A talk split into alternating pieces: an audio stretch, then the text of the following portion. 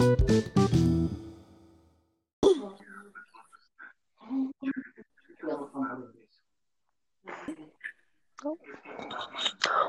хай. Өнөөдөр бидний урилгаар манай хүндэт цачин Бямба маань бидний подкаст оролцохоор хүрэлцэн ирээд байна.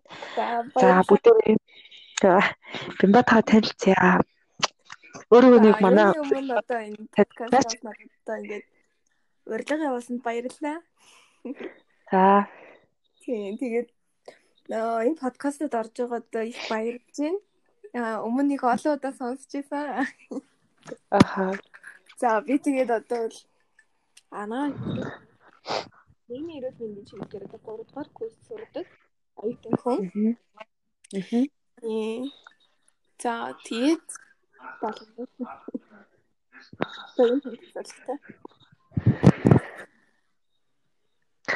За баярлаа. Өөрийгөө маш сайхан танилцууллаа. Тэгээд манай энэ подкастын нэргүй гэдэг подкастын маань бас удаан хугацаагаар сонсож ирсэн байна. Бид нэг өдий зэрэгтэй явж байгаа. Сонсогч та бүхний минь ачуу далимдуулж хэлэхэд. За тэгэхээр өнөөдөр юу сэдв байгаа лээ? Бэмшгээ. Би юу яалаа л та. Сайн нэг нэр бодож оллоо. Таны подкаст санал одох нэр Жив жоо. Вау, вау. Бэс болох юм байна.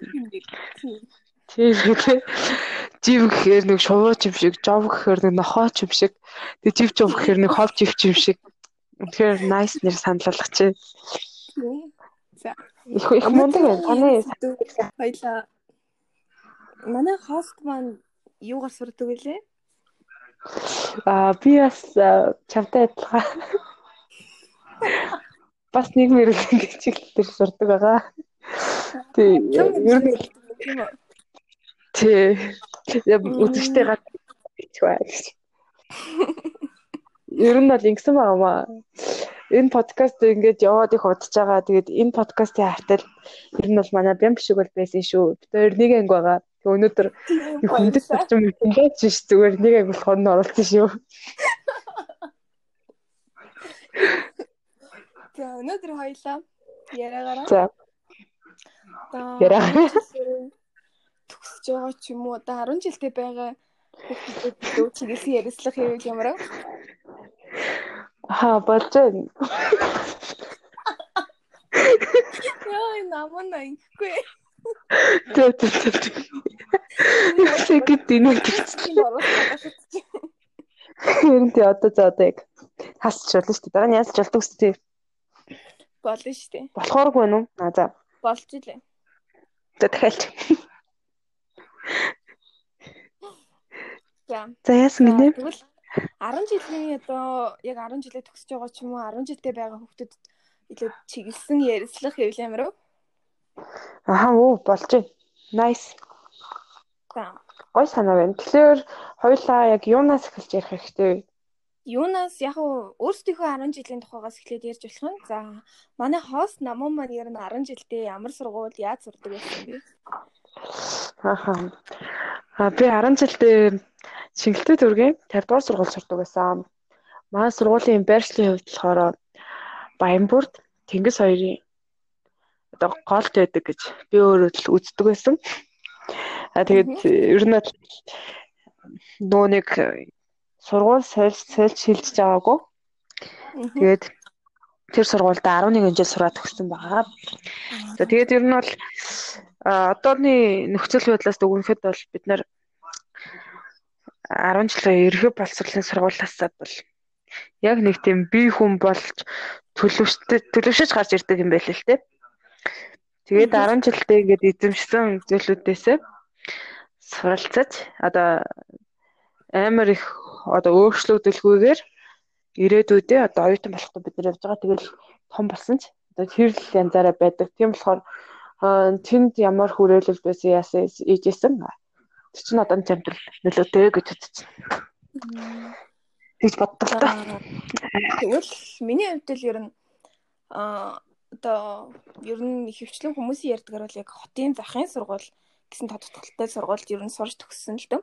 Тэг намны байршлыг сонссон бол хотын төв хэвчээ сургууль юм байна тийм үү? Аа. Ер нь дараалал хийж бол нөгөө А бус гэж ярьдаг байсан. Тийм. За тэгвэл тань сургуулийн онцлог ер нь ямар байсан бэ? Хоёул жоох ингээд төвийн сургуулийн хүүхдүүдэд байдаг одоо боломж боловсруулсан. За хань сургууль яг ямар байдаг вэ гэдэг тухай ярьсан ямар вэ? Аа за тий яг гой санаа гарч байна тий. Тийм. Тэгсэн дээр юм байна. За тэгээ маа сургуулийн хувьд бол а ер нь бол байршил нь бол төв талдаа. А тэгээд ихэнх хүүхдүүд нь бол яг хариаллын хүүхдүүд, хариаллын бус хүүхдүүд гэж одоо ярьдаг. Одоо бидний үед бол яг тэгж ярьдаг гэсэн хэрэг. Одоо яг тэрийг хэлбэхт бол хариал хариал ш хамаагүй ингээ бөөнөр ингээ орцгоцсон сургуультай. Тэгээд сүүлийн үн жилүүдэд тараад хахад нөгөө зөвхөн хариаллын хүүхдүүдэд авдаг гэж болцох шиг байсан тий. Тэгээд бидний үед болохоор яг хариаллын бус гэж авдаг байсан. Тэгээд ихэнх хүүхдүүд нь ер нь бол хариаллын хүүхдүүд буюу яг ингээд маа сургуулийг тойрсон байрны хүүхдүүд байдаг байсан. За тэгээд үлдсэн хүүхдүүд нь болохоор одоо холоос ирдэг хүүхдүүд байсан. Холоос ч гэжтэй яг яг тэр яг тэр э, байрных биш. Тэгээд тэр хүүхдүүд нь хэвшлэн Баянбүрдийн хойдлоос тэгээ манай Динжимийн газ ирдэг хүүхдүүд байсан. Тэгээд ерөнхийдөө манайх бол яг яг юу ярих за ээж гараа энэ хэсэг. Манай сургууль ер нь онцлог бос сургуулиас илүү даваа талаараа ялгарч исэн зүйл гэж байгаа юу? Аа за дахиад л тээ. Танай сургууль тэгэхээр нэрээ хасдаг. Сургуулиас ялгарч исэн одоо нэг тийм тодтгол байгаа юу? Аха, манайх болохоор Мишлийн стандарт нэрэмжэд 50 дугаар бүрэн дүн сургууль гэж нэрлэгддэг байсан. А тийм ч утгаараа Мишлийн стандарт орчгоон одоо нэрэмжэд яруу найргийн тэмцээн энэ зохиодог байсан. За тэгээд ер нь олон талын авьяастай одоо авьяасыг хөгжүүлэх тал дээр анхаардаг сургууль байсан. За бид нар бол нэг 10 жилд ингээ байх хугацаанд маш олон зүйлийг бол өөрсдөө биднэрт хийж үзэх одоо боломжийг олгосон гэж боддог.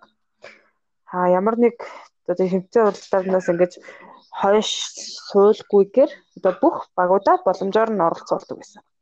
А тэгээд дээрэс нь тэр мишгээ зэдэнд орж байгаа нэрэмжит байсан болохоор олон олон нөгөө яруу найргийн тэмцээндийг өөрсдөө зохиож а мөн нийслэл улсын хэмжээнд ийм тэмцээнд зохиодог байсан шатрын клубтэй байсан. За тэгээд найралтуугаараа бас нийслэлд овоод том байр эзэлдэг байсан. А тэгээд спортын хувьд ч гэсэн бас нийслэл явдаг байсан. Волейбол, сагсан бөмбөгөөр. За тэгээ мөн гимнастик спортоор хичээлүүлдэг байсан. Ер нь бол их олон талын даваа талтай. А тэгээд манай сургуулиас тусаж харсан хүүхдүүд бол яг нөгөө математик, физик, биологи олимпиадуудад их өндөр байр эзэлдэг гэсэн. А мөн монгол хэлний олимпиадад бас айгүй дээгүүр зогсдог. А тэгээд ер нь ихэнх хүүхдүүд ингээ хараад байхад сургуулийн үүдэнд нөгөө нэг манлайлагчдын самбар гэ байдаг да. За. Ер нь бол нэг амжилт ололтой одоо гаргасан хүүхдүүдийнхээ ингээд зургийг гаргасан амжилттай 8 хэсэгтээ ингээд хийцээдэг. А тийм самбар дээр байгаа хүүхдүүдийг ерөнхийд нь ихэвчлэн ажиж тахад олон төрлийн спорт, урлаг гэдэг зүйлсээр олон улсад амжилт гаргасан хүмүүс байдаг гэсэн. Тэр самбарыг бол дандаа л тийм хүмүүс чимдэг байсан. Taekwondo, Miss Miss Universal Miss World Miss тийм хүмүүсийн тийм World Miss тэр тэмцээнд зорсон. Ер нь яг юм дүүхтэд гэсэн гэж боддоо шүү дээ. За. За тэгвэл ер нь би одоо 10 жилийнхээ нэрийг бол хэлмээргүй байна. 10 жилийнх муулж байгаа шиг сонсогдох байх бас хүмүүс. Одоо хийх хүмүүсийн хэлж заншснаар бол захын сургууль гэдэг тодотголтой нэг тийм хотын захад байрладаг нэг жижигэн дөрөв давхар сургууль би сурч төгссөн. За багадаа бол Ярамгийн цэцээгийн цогцод бус сургууль дөрөвдүгээр анги хүртлээс сурж байгаа. За тэр сургууль руугаа шилжсэн байгаа. Аа би бол яг 10 жилдээ бол өөрийнхөө сурдаг сургуулийг тийм бас буу бол гэж бодож байгаагүй. Яг хүн байгаа орчинд бол ер нь харьцуулалт хийдэж штэ. Аа.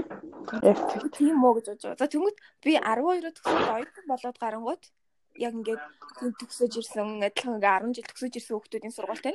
Яг өөрийнхөө 10 жилийг харьцуулах юм бол манай 10 жилд одоо олгодог байсан боловсрол бол тэр сургуулиас ер нь за хотын төвийн сургуулиас ер нь бол доогуур байна гэж би ер нь өөрийнхөө дүгнжсэн юм. Жишээлбэл манай сургууль одоо хамгийн түрүүнд ярих юм бол гэвэл одоо спорт ямар нэгэн тэмцээн зохиох гэвэл ямар өөрсдийн заал байхгүй. За заал барина гэж ер нь манай бидний нэг 7 дугаар ангид орохоос эхлээд ер нь төгсөн төгсөл ярьсаар гад бариагүй байсан байдгийг. Тэгээд одоо бас хүүхдүүдийн ер нь одоо олон талаас нь хөгжүүлэх сургалт дугуулan гэдэг зүйл ер нь их байгаагүй. За байсан ч гэсэн бид нар нэг идэвхтэй үйл ажиллагаа явуулдгүй гэж хэлж болохоор. За тэгээд яг уу манай зарим багш нар бол айгүй сайн багш нар байдаг байсан л да. За тэгээд сайн хажуугаар саарч гэж бас байгаа. Аа ер нь тэгээд манай 10 жилд бол хүүхэд ер нь өө яг өөрөө өөрийгөө л биед агаад ерөн сургуулиас гадна үйл ажиллагаанд өөрийгөө дэвшлахгүй л нэг сургуулиас нэг тийм дэмжиж өгөх дэмжлэг байгаа гэж би боддгийн. Тэгээд яг одоо ингээд өөрийнхөө дүгнэлтээс харах юм бол хотын төвийн сургууль, захын сургуулийн хүүхдэд өгж байгаа боловсрал болон одоо бусад ур чадвараа хөгжүүлэх тал дээр нь агуу нэг тийм зөрүүтэй юм шиг мэдрэмж төрдөг байхгүй юу? Аа. За энэ талаар юу гэж бодож байна? Аа А миний хувьд бас бол ялгаагүй чамтай санал нэг байв. Аа өөртөө жишээн дараа бичсэн бол аа ер нь бол маа сургуулал гайгүй боломжийн хэмжээнд тэр бүх боломжуудаар хангаж өгсөн гэж үзэж байгаа. Гэхдээ одоо чи бас өөрийгөө гээд нэг сургуультай харьцуулж байна. Би бас өөрийгөө бас нэг нэг сургуультай харьцуулж байгаа шүү дээ. Гэхдээ одоо одоо нөгөө Кембриж хөтөлбөр энэ хэрэгжүүлдэг зарим нэгэн сургуулиуд байна. А мөн хувийн сургуулиуд бас байгаа. А гэхдээ тэрийг бол яг нөгөө улсын сургууль сурсан болохоор шууд амар хувийн сургууль British School-тэй харьцуулаад авах нь бас одоо нэг хэрэггүй байх гэж бодож байна. А тэгээд яг нөгөө шинэ ерөн энэ төр шиг улсын лаборатори сургуулиуд байгаа. 93 нэгдүгээр сургууль энэ гэдэг.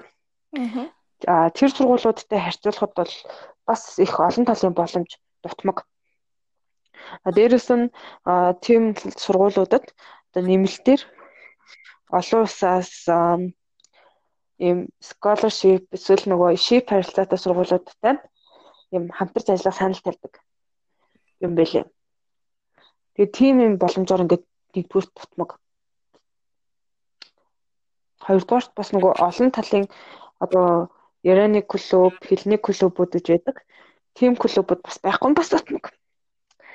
Тэгэл ингээд бодоод зэхэр шин дотмог хүмүүс маш олон болж ирж байгаа байхгүй юу? Тэгэхээр ер нь бол нөгөө нэг хүүхэд болгон эрх тэгш ингэж адилхан боломжуудыг хүртэх яг боломж нь биднэрт байхгүй байна. Аа. Яг зөв. Одоо ингээд харах юм бол яг ер нь улсын сургууль дотор за хувийн сургуулийг оролцуулахгүй бай гэж одоо мэдээж тэд нар төлбөрөө төлж байгаа юм чинь. Аха. Боловсролыг биднээс арай илүү авч иж болно. За тэнгууд улсын сургуулийг харуулах юм бол ер нь яг нэг гурван шатлал байна гэж харж болох юм байна тийм үү? Аха. Тийм одоо на хамгийн бага шатн гэвэл одоо нэг захын сургуулиудад нэг одоо ер нь их юм юмараа их дутмаг. За одоо хоёрдугаар шатлалных юм бол одоо нийт төгсөн сургууль гэж болно. Одоо зарим талаар нь айгуу сайн хангагдаж өгдөг ч гэсэн зарим зүйлс дээр буцургуулийн хүмүүсээс арай тутмаг байдаг гэд. За 3 дугаар шатлал нь одоо тэр улсын одоо лаборатори сургууль 193 зэргийн хүүхдүүд. Ингээд харахаар одоо сургуулийн чинь бас харьяалаар нь аавна гэдэг шүү дээ. Тэгмүүд одоо ингээд харах юм бол хүн яг хаана амьдарч байгаагаас хамаарат бас ингээд жоохон одоо арай муухай гаргах юм бол ялгуурлалт явагдаад байгаа байхгүй тийм үү? Аха. Тийм. Ер нь бол яг нэг хэсэн тоо тийм л болчихж байгаа юм л да. Энийг бодохоор одоо ингээд одоо ийм юм чинь яах вэ гэмээр ч юм шиг нэг болохоор амар эмгэлтэй болчиход байгаа байхгүй юу? Тэгэхээр аа гэтээ бас нөгөө нэг бидний нөгөө өөрсдөө маань сэтгүүл байна л да. Юмыг яаж харж ингээд одоо ингээд нэг хараад хахад ингээд би нэг автобусны дотор явж байгаа хгүй энэ бүр яг бүр жигэн бодит тэмдэглэлээр л байсан жишээ. Сая би 100 ингээд автобусны дотор явж байхад хорооллоос гэрлүүгээ. Тэгээ явжсэн чинь ингээд нэг их ч нэг хоёр ингээд суугаа явж байгаа байхгүй. Нэг их ч одоо бүгдэл одоо миний сонсноор ярианаас сонсноор бол боловсролын сургуулийг төгсөөд тэгээд ажлыг ингээд ажил орох ингээд хүмүүст уцаараар явж байгаа. Тэгээ ингээд нөхөртөөгөө явж байгаа гэж. Тэгээ ингээд ярьжсэн чинь над руу ингээд ботаник ботаникийн тийшээ байдаг нэг захын сургуулиас ингээд нэг санал өгсөө. Тэгээд уул нь ингээд өөрт нь ажил олдохгүй юм шиг мөртлөөсөн. одоо нэг хороололт байдаг нэг ингээд сургуульд ингээд очиод уулзаад үзье. А тэгээд энэ угаасаа энэ төвтэй ойрох юм чинь угаасаа сайн байж таарна. Тэгээд тэгээд дахин сургууль руу ингээд явахгүй гэсэн үсэлтэй. Тийм байгаа болохоор ер нь бол хаанч утсан адилхан мэдлэг чадвараа үзүүлээд ингээд гарах ёстой хүмүүс өөрсдөө ингээд идэг болохоор тэгээд очиж байгаа тэнд очиж байгаа багш нарын одоо хандлага ч юм уу те тэр зүйлүүдээс нь бас шалтгаалаад олгож байгаа боловсрол нь санартай санаргүй ялгаа байдаг хаа. Яг тийм. За ер нь тийм байж болох юм. За манайд 12 төгсгöd бол манайд ер нь хөгшин багш нар маань ер нь одоо ахмад багш нар маань одоо ер нь ихэнх нь тэтгэвэртэй гараад ихвсэн залуу багш нар ирж исэн. Тэгээд одоо 12 дугаар анги гэдэг чинь ер нь бол яг тэднэрээс ингээд ирж байгаа биднэрт өгж байгаа боловсрал бол ер нь биднэрт одоо төгсөөд их сургууль руу ороход яг хангалтгүй боловсрал өгч юм гэж үздэг байсан билээ. Миний хувьд. Аа. Тийм тэгэхээр ингээд ер нь ингээд одоо Монгол Улсын боловсролын сургуулийг төгсөөд ирж байгаа хүмүүс гэсэн сургуулийн байршлаас намаарад ингээ харилцаа адил байгаа даахгүй. Ер нь гайгууд голч дүнтэй төгссөн хүмүүс л одоо хувийн сургууль юм уу, хотын төвөөр байдаг сургуулиудад л анкета авчих боломжтой. Тэнгүүд захаар гэдэг сургуульд нь яг нөгөө нэг одоо үлдчихэж байгаа хүмүүс нь л нэг тийм орох боломж нь байгаад байгаа. Манай сургуульд бол яг тийм одоо залуу ирсэн багш нараас бол яг тийм бас сайн мэдлэгтэй яг хүүхдүүдэд сургуун хүмүүжүүлэх нэг тийм сайн боловсрсан багш нар ирж исэн гэж би бол боддгүй юм. Аха. Ам за тэгвэл хоёлаа боловсролын яг одоо чанарлуу нор явчлаа тий бүр. Тий арай гүнзгийрээд явчихлаа. Тийм тэгэхээр ялгааны хувьд бол за иймэрт иймэрт ялгааны байд юм байна. Тэнгүүд тэр одоо энэ сургуулиас сургуулиас бас хүүхдийн зээл зүтгэл байж болно л доо. Аха. Жишээлбэл манай 10 жилийг төгссөн хүүхэд бол яг л ингэж ижил боловсрал авч байгаа мөртлөө биднээс одоо яг миний хувьд л одоо биднээс арай илүү төвшөнд байгаад байна гэдэг нь тэр хүний хичээл зүтгэлээс бас хамаарж ийн гэж би үзсэн. Одоо яг адилхан одоо тэр нэг багшаас бид нэр адилхан боловсрал аваад ингээл яг адилхан өрөөнд ороод яш яш шалгалтыг өгөхөд. Наа тэр хүүхэд одоо 800 авч агаад за би энийг одоо 600 гараа авах ч юм уу тий. Тэр л яг хувийн нөхцөл сэтгэлээс хамаарж байгаа ялгаа гэж би боддیں۔ Тэгэхээр одоо яг эндээс дүгнээд хоёлаа одоо хүүхдүүдтэй сонсож байгаа хүмүүстэй ямар одоо дүгнэлтээр юм бэ? Гэхлээр миний хувьд болохоор ам ер нь л ингээд угаасаа тэр төрөв амьдралцсан ингээд хоёр ялгаад өгчлөө гурав ерхий боловсрол сургалтыг Тэгэхээр одоо өөрсдийн одоо яг ийм ингэсэн чинь надад ийм дутуу байна гэх биш. Одоо Бямбагийн ярьсан, Бямшгийн ярьсан жишээн тэр хүүхэд чиг өөрөө л хичээж энэ ялгаагнуудыг байхгүй болгож нийгэмдээ оюутан болохдоо хин нэгнээс дутуу юм шиг мэдрэмж авахгүйгээр амьдрах боломж байна. Тийм. Гэтэ яг бас нэг өөр талаас нь харах юм бол нэг ийм хайрцагт байгаад байгаа байхгүй юу? Байгаад байгаа юм. Одоо нэг зөвхөн одоо сургуулийнхаа хүрээллийн хүүхдүүдийг хараад юм уу те? Одоо тэр хүүхдүүдээс жоохон чүт чүт дээр түвшний хэвэл за ер нь би ер нь болоод байгаа юм байна гэсэн яг. А? Аха. Тийм бодол авчиж байгаа байхгүй юу? Ямар ч юу тийм гарч сэтгсэн юм байхгүй.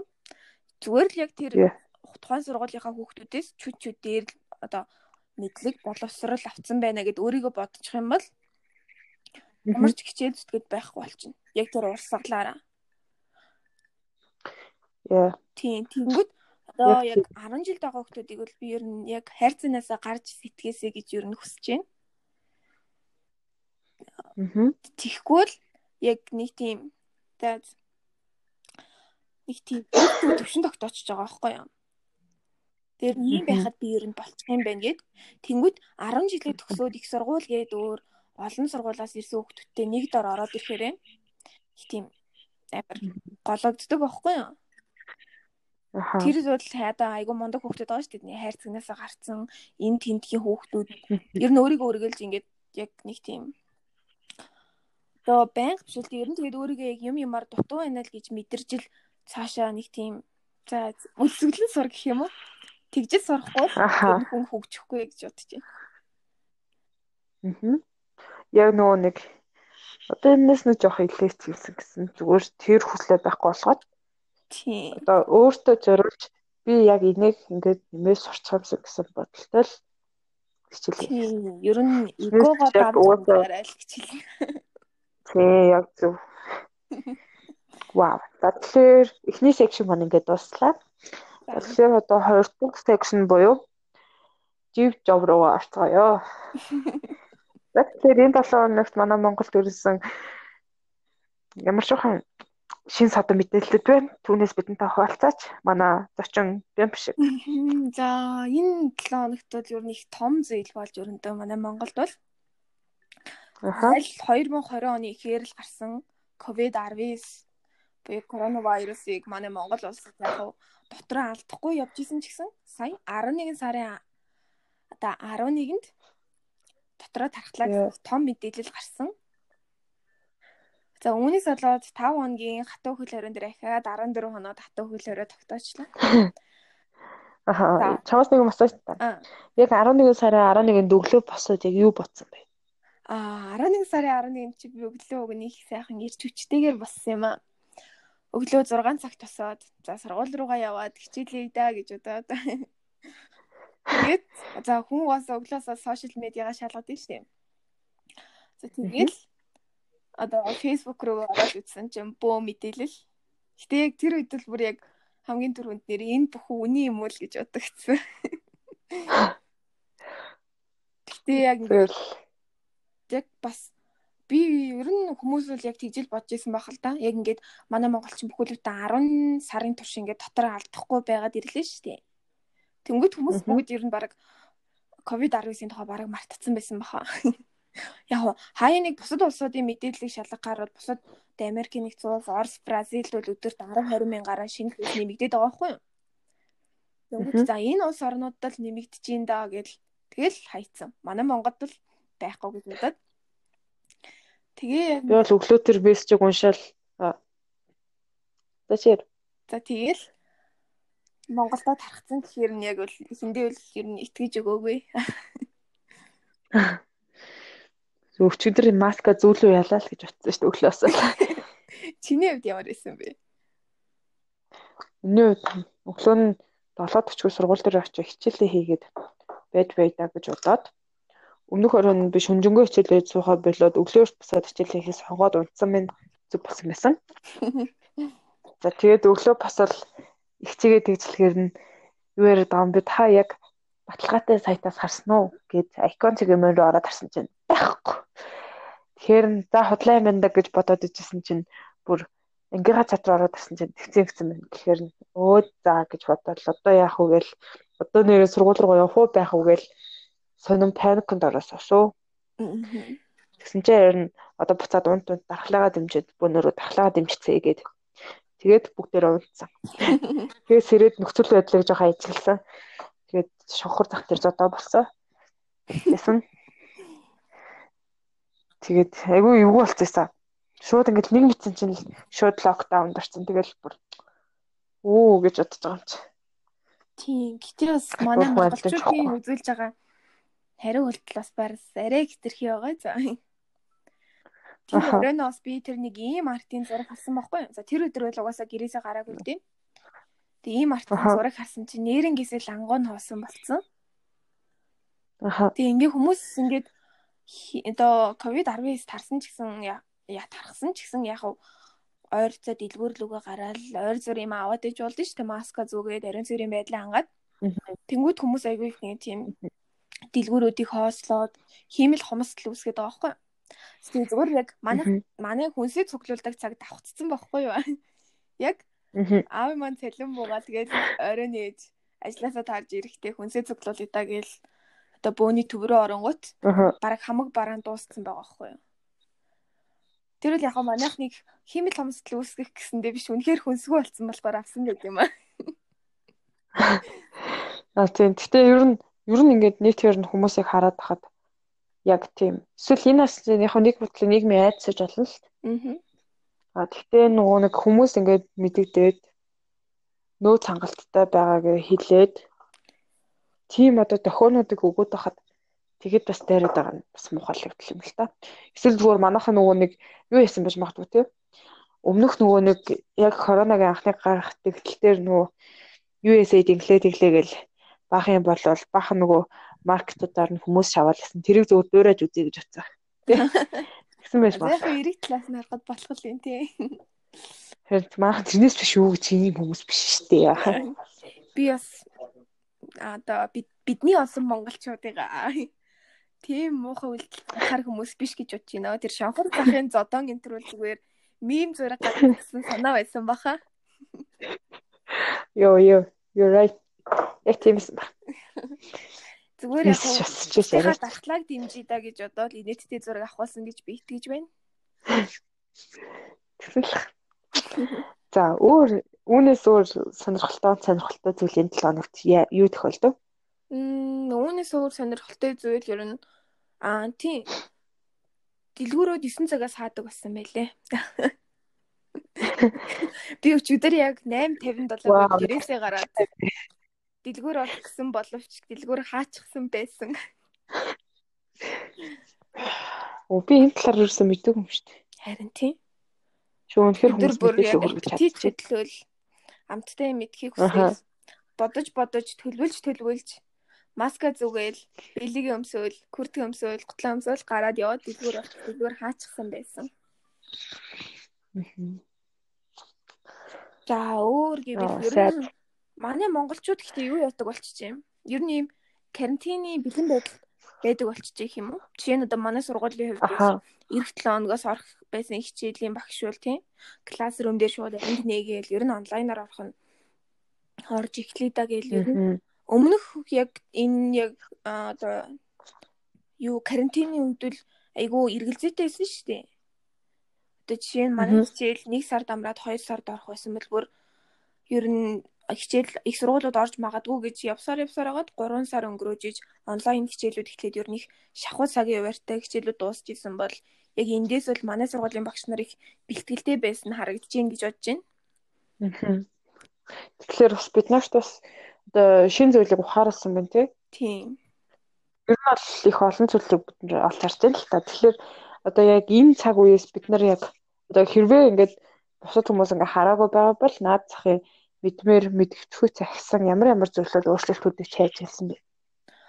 За саяны дурдсан мэдээж бэлэн байдал. За а тийм тэгээд хүмүүс ер нь их юу яаж За зүгмэр ч юм бэ? Карантинлэгдэж сурсан гэх юм уу? Одоо юу юм? Хөдөлгөөн бас одоо ч байсан ч гэх юм уу? Аха. Тийм. Тиймэрхүү хүмүүсээс одоо нэг жоохон зөв карантинлэгдэж сураад байна тий. Үр дүнтэй. Тийм. Тийм. Одоо хоёлоос энэ зүйлээр талаар ярьжлах юм биш тий. Карантиныг яаж үр бүтээлтэй өнгөрүүлэх вэ? Тийм. Гэхдээ яг уу энийг дараа нь хасан л та өөрсдөө өөр бүтээлтэй өнгөрөхгүй гэж хүмүүс зөвлөж чадна гэж би бодохгүй байна. Тэгээд Тийм. За. Тэгээд тэр чинь Ам Тэч жоох батат. Энэ яг нөгөө нэг 30 оны шалгалтын асуулт санагч байна. Бэлдээгүй блээ та. Өөр суу судны зүйл ажигласан нь манай сургууль оюутны байранда сертификат өгсөн байлээ гэж. Аа тийм. Хөөцсөн юм. Уяата хандсан байлээ. Байрандаа карантинлэгдэж байгаа. Харин гэтээ нөгөө бусад сургуулах чинь бүр идэж явах юм уу гэсэн чинь манай сургуулах нь сэлбэтүү санитал 0-ын цаас нойтол сэлбэт өгсөн гэсэн. Аа. Тэрэн дээр манайхан жоохон гомдолтой байгаа юм шүү. Бусад сургууль идэхэмтэй байна. Манайх идэхэмгүй байна гэж. А тэгтээ би сайн нэг мэдээлэл олж авсан. Яг байран доторх нуус тагнуулаасаа. Баттай их шүү. юу байрныхтыг бүр ингээ карантинчлах хэрэг юусоо гаргаж оруулахгүй байгаа юм байна гэж бодсон чинь давхар болгоноор нь цагийн хуваар гаргацсан. Тэгээд яг тэр цагийн хуваараараа тодорхой цагт ингээ гараад дэлгүүр ороод буцаж орж байгаа юм байна. А тэгээд яг цагтаа багтаж орж ирээгүй хүүхдийнх нь араас уцтсаж байгаа юм байна. Энэ бол зөв шийдэл бас. Тийм байх. Их сайхан зохион байгуулалттай болсон байна тийм үү? Тийм байлаа. Тэгээд яг нөгөө гарч байхдаа хүүхдүүд бүр ингээд овоорч мамороод нөгөө тренто бусан шиг юм болж байгаа гэсэн. Байрнаас гарахтаа. Тийм үү. Аха амар болж байгаа гэсэн. За тэгвэл манай одоо энэ их сургуульд сураад дээд боловсрол эзэмшиж байгаа хүүхдүүд ч гэсэн бас ухаан муутай байна л гэж ойлголоо. Where is 1.5 Yes, yes, yes. Тэр 1.5 мм ч гэдэг үү. Тэгсэн шүү. Хувь хүний л үзэл бодол юм уу дөө.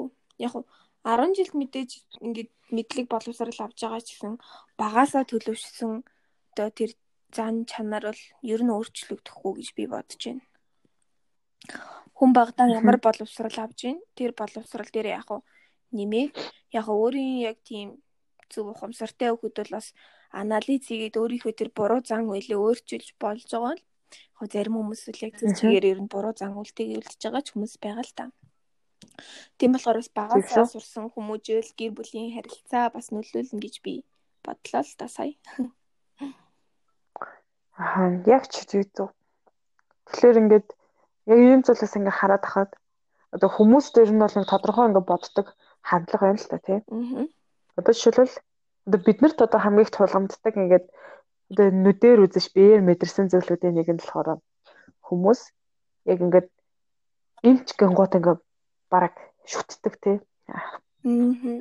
Юу гэсэн яг сая яг чиний хэлсэн шиг тий тэр хүүхэд ямар өмнө нь ёс суртахуунтай байсан, ямар дадал тушаалтай, одоо тэгээ яг ямар байгаа гэдэг чинь энэ эмч гэдгийг харталт чинь зөндөө юм байна шүү дээ. Тэгэхээр ер нь эмч хүн бол энэрэнгүй сайхан сэтгэлтэй одоо бусдын их шиг хүндэлдэг тийм байх хэвээр. Гэвч одоо ингээ хараад ахад бол одоо манай яг юм суралцж байгаа зарим хүүхдүүдийг бид нар бол аждаг тийм ээ. Аа. Тэгэд энэ дээр бол зарим талаараа арай эсэргээрээ санагдаад тий. А тэгэнгүүт хүн бүрийн харьцаж байгаа хандлага нь тэр хүнийг зөвхөн эмч болохоор ингэж харьцаж байна гэсэн ийм нэг хандлагатай гаддаг. Энд энэний талаар юу гэж боддог вэ? Тийм, ер нь тийм. Гэтэ яг уу манай сургууль за манай анхны шийдэл ухааны үндэсний сургуулийн хувьд бол багш нар маань бас ер нь хит их мэдлэг гэдэг байхгүй. За яг мэдлэг мэдээж мэдээ эмч хүн чухал ч гэсэн бас ёс суртахуун чухал шүү гэдгийг айгүй их бас зааж сургаж байгаа юм шиг харагддаг. Гэтэ манай сургуулийн төгссөн зарим хүмүүс бол бас тийм сайн харагддаг. Жишээлбэл аа ер нь айгүй их за би ч өөрөө нэмэр сурдаг их ялгуурлалт харагддаг. Имчил биш бол за тэгээд ер нь одоо за яг хуу За энэ ангийг цацлахгүй чи хамаагүй муулчи тий. Тэгээд баггүй. Аха. Аавсаар сураад төгсөж байгаа хүмүүс яг нэг тийм баригдмал хий маяг байгаад байгаа байхгүй юу? Яг нэг тийм эмчвэл сайн сурах хэвээр. За бус мэрэгжил бол тэгээд яаж хийж байгаа төгссөн ч яах вэ? Нэг ийм хандлага харагдаад байгаа байхгүй юу? Жишээлбэл за манай за одоо орж байгаа хичээлээс өмнө орж исэн багш хийн хувьд л яг нэг тийм хандлага харагдчихсан байхгүй юу?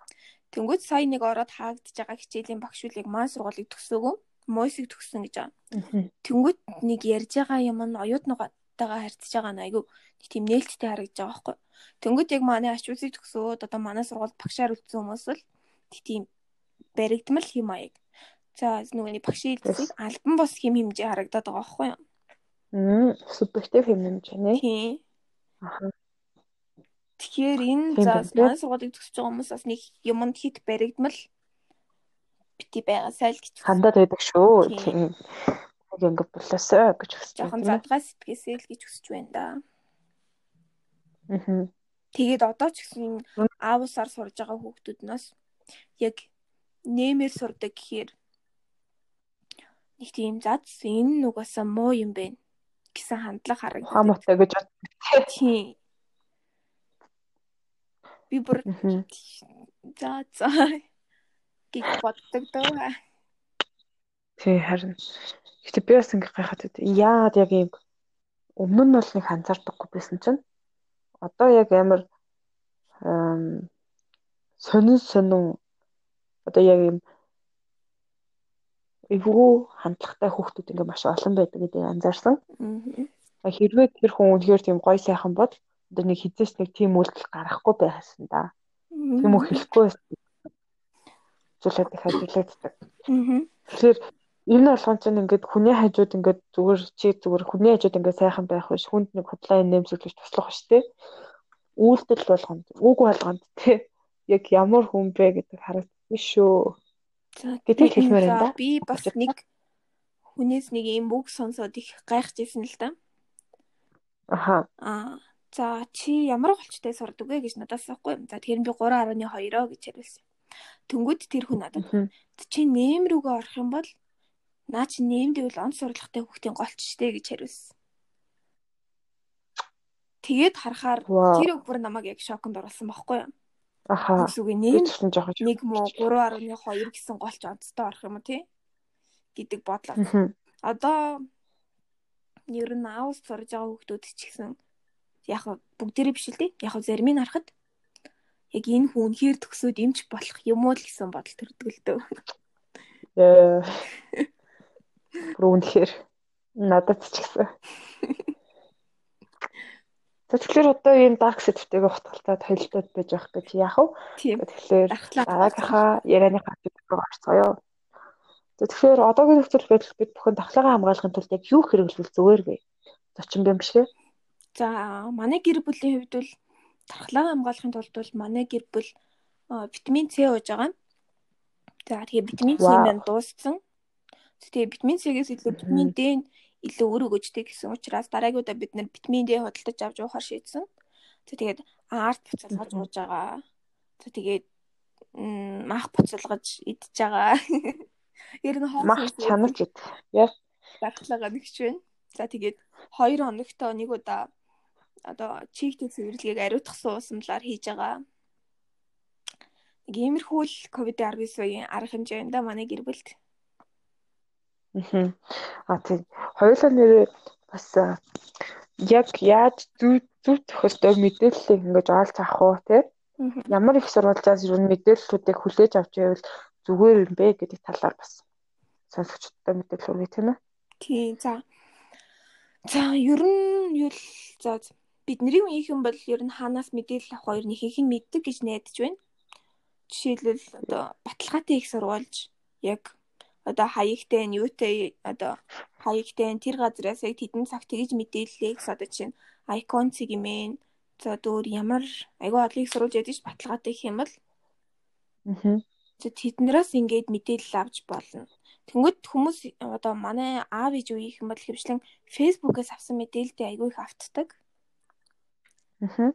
Ер нь Facebook дээр явж байгаа тэр мэдээллүүд бол их за энэ дээр бол бас нэг сэдвийг ярмаар санагдлаа. Манай одоо за шар сонингууд л гэж хэлэх байх та ер нь шар пэйжүүд ч гэх юм одоо тэд нар бол шар хэвлэл шар хэвлэлүүд одоо маш утгагүй мэдээллүүдийг тавьдаг.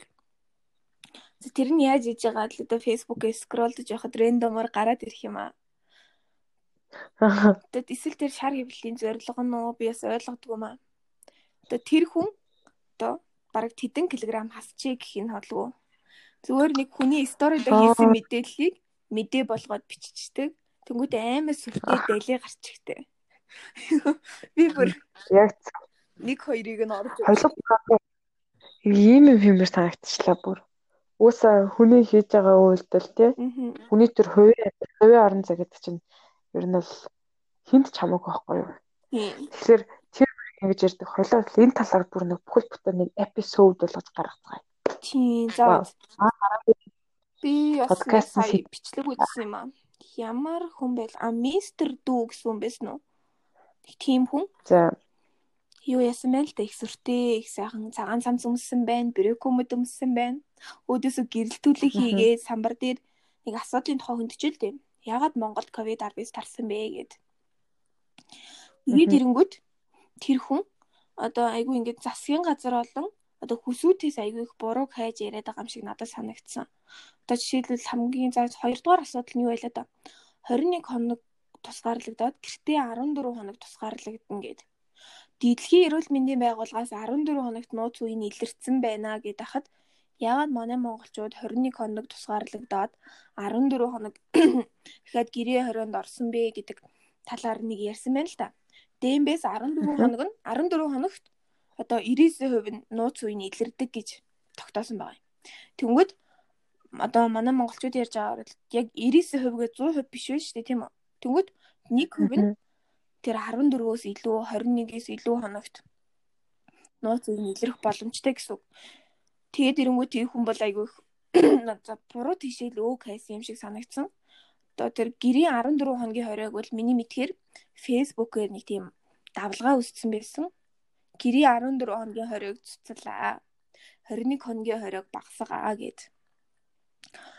За би тэр үнийг мэдэхгүй тэр үн ч гэсэн магадгүй тэр үед нь дэмжижсэн байж магадгүй. Тэнгүүд одоогийн шадар сайд хин гэлээд нэрийг марчиж. Тэр хүнийг яагаад хориогоо тэгэж 14 хоногийн гэрээ хориг цуцалсан бэ гэд. Тэнгүүт тэр доор нь хүмүүс айгүй их тэр хүнийг дэмжсэн байгаа байхгүй юу? Тэр хүмүүс ч өөрсдөө шууд цуцлыгээ цуцлаагүй шүү дээ. Ард иргэдээс тодорхой хэмжээний шаардлага байсан болол цуцалсан байгаа. Тэгээд өөрсдөө ингэж цуцуулсныхаа дараа ардаас нэг тийм өө хайдаг зам нь за дан ганц манай монголчуудад биш угаасаа бүх хүмүүст л байдаг зам байх гэж бодож байна. За тэгээд үүний дараагаар гэх юм бол за нэмхүү эмчээс асуулт асуусан байсан л да. Та яг цаг цагт нь шинжилгээг авсан уу? Тэр хүнээс дөрөв удаа шинжилгээ авах ёстой. Та шинжилгээ авахгүй байсаар агаад тэр хүний 21 хоногийн одоо карантиныг нь дуусгацсан юм шүү гэж асуусан байлээ. За энэ бол надад их муухай санагдсан. Мэдээж одоо Монголдо тараахгүй гээл өдөр шөнөгүй ажиллаж байгаа 10 сарын турш бараг 300 гаруй хоногийн турш одоо тэр гадаадаас иргэдээ авчираад карантинлаад тодорхой хэмжээний карантин тогтоогоод тэгжсэн хүмүүсийн өдөөс яг баталгаатай шинжилгээг авч ирсэн үү гэж асууж байгаа нь их буруу санагдсан надад. Тэнгүүт тэр доор хүмүүс амар олон хүмүүс дэмжсэн байсан. Тэгээ тэр хүн худлаа нэг нэг жижигхэн нэг нэр хүндийн төлөө айгу том тэг юуг нэр ч юм битээ. Би бараг бараг нямгүй юм чи өмнөөс гомоор санагдсан гэхүү.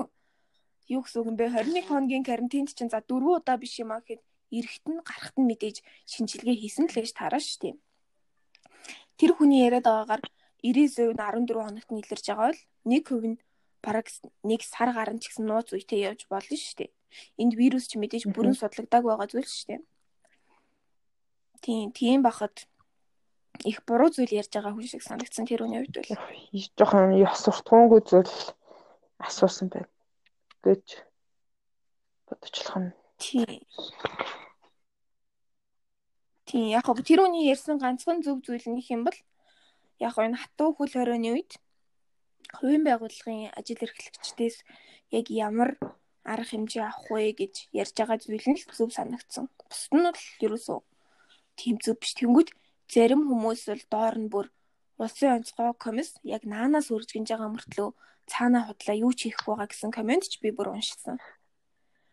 Би бүр тэр хүмүүсийг яг дотор нь ороод ажиллаагүй гэж энийг харж байгаа юм шиг тийм одоо комент бичигчэд тийм бити комент бичигчэд байгаасай гэж сонсогчдоос хүсэж байна хөндлөнгөөс уншиж байгаа хүнд хүртэл их муухай харагдсан шүү. Тэгэл яг тэрнээ ажиллаж байгаа хүмүүст бол өөрсдөд нь ямар хэцүү хүн дээр тусч байж магадгүй шүү дээ. Тийм биз.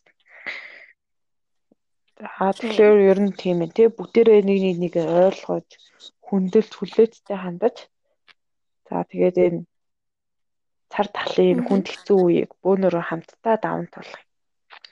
Дотроо бүр алдаа яг тийм л зүйл өгч байна. За би бас нэг нэг тийм муухай пост хийснаа саналаа. Одоо тэгээд нэгэн том Монголдо тарцсан юмыг хатуу хөл хорой тогтоогоод яах вэ? Зүгээр л ажиллаа хийдгээрээ хийцгээе. 3 саяулаа тусаад тэгээ монголчууд юм чинь баг идэвчтэй үстэй гэсэн. Үгүй гэсэн. Тий би тэр хүний ойлгосноор бол монгол хүний цус бол арай илүү дархлаатай цус гүйж гэж тэр хүн эсвэл ADD антиген үүсдэг. Антибоди үүсдэг цус тэрвэр зүгээр. Бид нар зүгээр бурхнаас айсан цусаа Тийм бурхнаас аяасан юунд ч хувирч чадах эсрэг бий байгаа гэж ойлгоод байгаа юм шиг байгаа юм. Одоо дэлхийн бүх хүмүүс чи ерөөсөө дөрөв дөрвөн бүлгийн цустай. Манай монголчууд дөрвөн хүмүүстэй ялгаагүй дөрвөн бүлгийн цустай. Ямар ч монгол гэн гэж байхгүй. Ер нь за байж болно. Монгол цус гэж байхгүй шүү гэж сонсогчдод хэлье. Монгол цус гэж 5 дугаар бүлгийн цус гаргаад ирж яхав тэр ярьж байгаа хүмүүст бол Си гэдэг цус гаргаж ирж ирээдтэй шүүд. За тэгэхээр одоо яг эндээс ингээд харахад энэ хүмүүсийн постуудыг ч уншлаа тий. Оо яг эхний коронагийн зөвлөлтийн үеэр яг ийм зөвлөлтийг ярьж зөндөө их удсан. Аа тэгээд сурвалжлагч нөгөө хин гэдэг сурвалжлагч үлээ тэр зэрэг цэг юм ээ. Аа тий өнөр өнөр цэцэг. Тий өнөр цэцэг гэдэг зөвлөгч гэж авчиж сурвалжлагч манай нэмфүү эмчээс ингээд ингээд тайлбарлаад хахад мэдэхгүй юм асуусан асуусан. Тэгэд үүн дээрээс ер нь эдгээрээс дүгнэх юм бол бид нарт одоо наад захын ангаах ухааны мэдлэг хэрэгтэй байна. Энэ бол нэг одоо иргэдэд таниулах хэрэгтэй байна гэж ойлгосон л доо. Тэгэхээр наад зах нөгөө дархлаа судлалын тий хугтгуунтай болгох талаар бас анхаарч ажиллах зүгээр шиг санагдлаа шүү. За тийм. Тэгээд тэр бас зэрэг цэг юмэний тэр сурвалжлагчийн хувьд бол ямар ч одоо сурвалжлагчийн ёс зүй байхгүй гэж би бодсон. Зүгээр нэг одоо гудамжинд хэрүүл хийж байгаа хүн шиг заавал тэр хүнээс нэг заавал нэг буруу юм хайж олох гээд байгаа юм шиг надад санагдсан. Тэгээ мэдээж тэр сурвалжлагч хүн байж ич одоо тэр сурвалжилж байгаа юмныхаа тухай ямар ч анхан шатны ойлголт ч тэр эсрэг бий гэдэг чинь. Тийм байхад ямар ч анхан шатны ойлголтгүй ээж тэр хүний ярьж байгааг яаж ойлгоно гэж бодоод тэр хүн сурвалжлага аваад байгааг би юу н ойлгоогүй. Эсвэл тэр хүнд одоо оюутнуудад заадаг шиг самбар авчраа заах хэрэгтэй байх гэж би бас Тэний л бол яг зөв. Нэр ингээд бүр яг арт иргэдтэй бүгдэнд нь тийм мэдлэг олгох юм а гэхэд одоо олгодгүй маа гэхэд ядаж сурвалжлагчид те тодорхой хэмжээний энэ хүмүүс энэ хүмүүс юу нь яагаад өөрсдөө яг энэ талаар судлал ерэн сурвалжлага хийж тий хамаг болохгүй бүтггүй минь ингэж гаргаж ирж явж ич ягаад яг яг энэ антибади гэж юу антиген гэж юу ингээл тэднэрээ яваа судалж болов тийм үст тий. Тийм мэдээж тэр тэр тухай мэдлэгтэй байж ижил тэр үнээс сурвалжлага авах хэрэгтэй шүү дээ тийм үү? Тэнгүүд манай одоогийн сэтгэл сэтгүүлчид ер нь их ёс зүйгүй дээрээс нь мэдлэггүй байна гэж би тэр хүнээс дүгнэлт харсан л да. За мэдээж бүгдээрээ тийм биш гэж бүгдээрээ байх боломжтой. Би бас өчтөрхөө нөгөө улсын онцгой комиссийн шууд дамжуулалт дээр нэг сурвалжлагч сурвалжлагчаа асуусныг сонссон л доо. Тэгсэн чинь яагаад тэр сэлэнгэд эмнэлэг бариад тэндээ хүмүүсээ байлгаж болохгүй байгаа юм бэ гэж асуусан байсан. Тэгээд яаж тэгээд эмнэлгийг ийм хурдан тэнд бариад тэгээд тэр чинь бас аюулгүй зэрэглэлийн лаборатори тий шинжилгээ авдаг одоо